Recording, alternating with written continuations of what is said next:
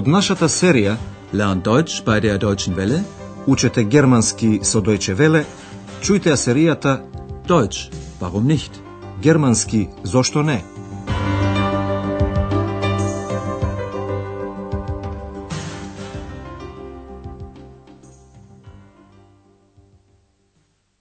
Liebe Hörerinnen und Hörer. Добар ден, почитувани слушателки и слушатели. Денеска го почнуваме новиот радиокурс за учење германски јазик од новата серија Германски зошто не. Ја слушате првата лекција под наслов Тоа е една песна. Das ist ein Lied.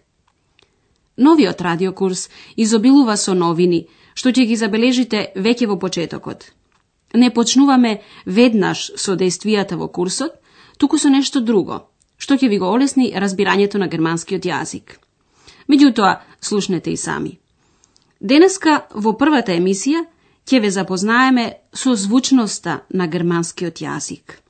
Чујте го уште еднаш почетниот поздрав. Liebe Hörerinnen und Hörer. Дали ова за вас звучеше типично германски? Без страв, набргу ќе чуете повеќе примери. Направете експеримент при слушањето. Немојте да настојувате да ги разберете зборовите. Слушајте ја само звучноста на јазикот. Еве го првиот пример. Und nun kommen wir zu unserem nächsten Hörer. Hallo. Ja, guten Tag. Ich Gut. heiße Peter Dressler. Ich rufe aus Duisburg an. Guten Tag, Herr Dressler. Ja, ich habe da mal eine Frage zu Ihrer Sendung aus der letzten Woche. Und zwar haben Sie dagegen. Значи, така звучи германскиот. Ова беше почеток на еден разговор, на едно поздравување, и тоа на радио. По некој пат има радиоемисии на кои учествуваат и слушателите. А сега, чујте го вториот пример. Ich und du, Müllers Kuh, Müllers Esel, das bist du. Вака звучи германскиот кога него го зборува дете. Тоа се стихови од детски игри. Чујте го третиот пример.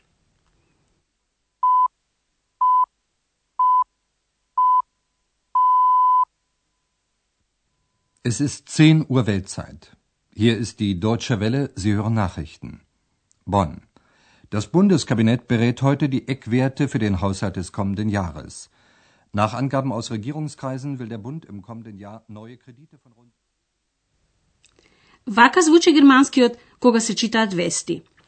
А сега чујте го следниот пример. Verkauf dich nicht. Berlin, jung bist du nicht. Du alterst so schnell, buckelst zu sehr. Trägst an den Geldern der Freier so schwer. Die werden gehen, dich sterben sehen.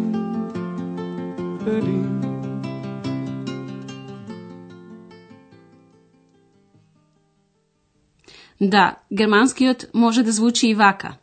Андреас наборгу ќе ве информира за се што треба. Андреас? Прашувате кој е Андреас? Тој ќе игра важна улога во радиокурсот. Имајте уште малку стрпливост. Ќе го запознаете поблиску во третата лекција. Андреас сега ќе ви каже како звучи на германски Тоа е една песна. Das ist ein Lied. Das ist ein Lied. И Андреас ќе ви каже кој е авторот на песната. Von Klaus Hoffmann. Von Klaus Hoffmann. Чујте ги уште еднаш двете информации. Das ist ein Lied. Von Klaus Hoffmann. На крајот, чујте текст од почетокот на 19. век. Може би авторот ви е познат. stana moćne slaven. Habe nun, ach, Philosophie, Juristerei und Medizin und leider auch Theologie durchaus studiert, mit heißem Bemühen. Da steh ich nun, ich armer Tor, und bin so klug als wie zuvor. Вака звучи германскиот во театар. Чувте извадок од познатото дело на германската литература, од Фауст. Андреас сега ќе ви каже како се изговара на германски. Тоа е еден текст. Das ist ein Text. Das ist ein Text. Секако дека Андреас ќе ви го открие и името на авторот. Von Goethe. Von Goethe. Чујте ги уште еднаш двете информации. Das ist ein Text. Von Goethe. Дали забележавте дека Андреас речениците ги почнува со исти зборови? Значи дека Андреас користи иста структура. И оваа граматичка форма ќе ви ја објасниме попрецизно.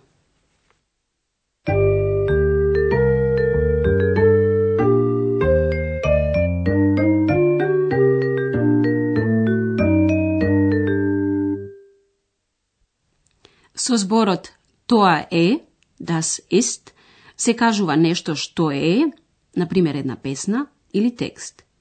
Чујте ги примерите уште еднаш. Das ist. Das ist. Das ist ein Lied. Das ist ein Text. Со од, фон, се истакнува од кого, од каде е тоа нешто. Во нашите примери, имињата на авторите во текстовите. Von. Von. Von Klaus Hoffmann. Von Goethe. Чујте го уште еднаш сето кажано. Das ist ein Lied von Klaus Hoffmann. Das ist ein Text von Goethe. Информациите може исто така да ги составите во една реченица. Тоа звучи вака. Das ist ein Lied von Klaus Hoffmann. Das ist ein Text von Goethe.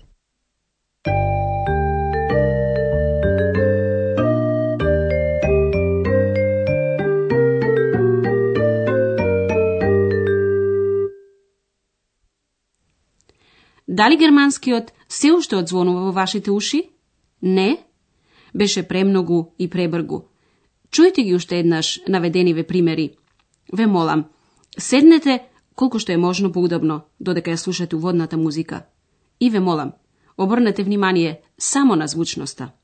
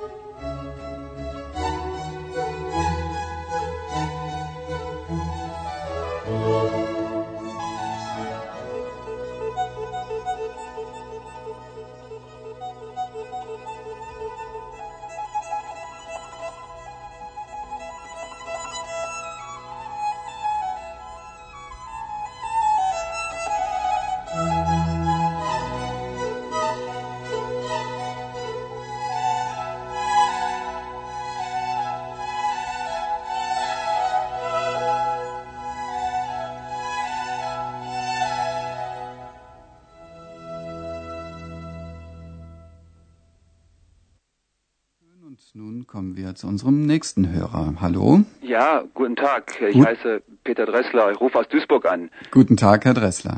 Ja, ich habe da mal eine Frage zu Ihrer Sendung aus der letzten Woche. Und zwar haben Sie dagegen.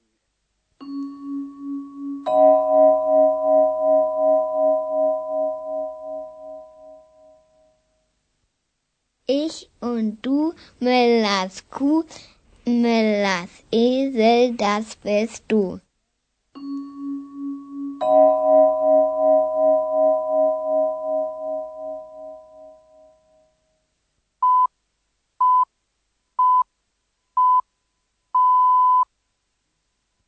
Es ist 10 Uhr Weltzeit.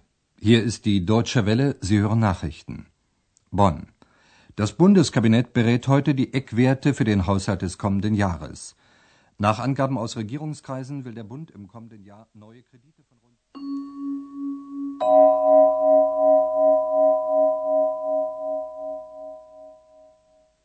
Das ist ein Lied von Klaus Hoffmann. Verkauf dich nicht, Berlin, jung bist du nicht, du alterst so schnell, buckelst zu sehr, trägst an den Geldern der Freier so schwer, die werden gehen, dich sterben sehen, Berlin.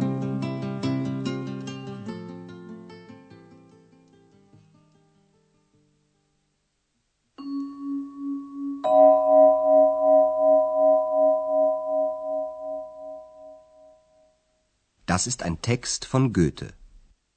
Habe nun, ach, Philosophie, Juristerei und Medizin und leider auch Theologie durchaus studiert, mit heißem Bemühen.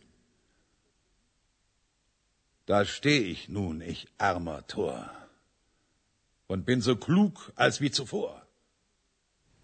Толку за денеска. До слушање до наредниот пат. Auf Wiederhören. Тоа беше германски Зошто не? Радиоговорен курс на Херат Мезе во продукција на Дојче Веле и на Гетовиот институт од Минхен.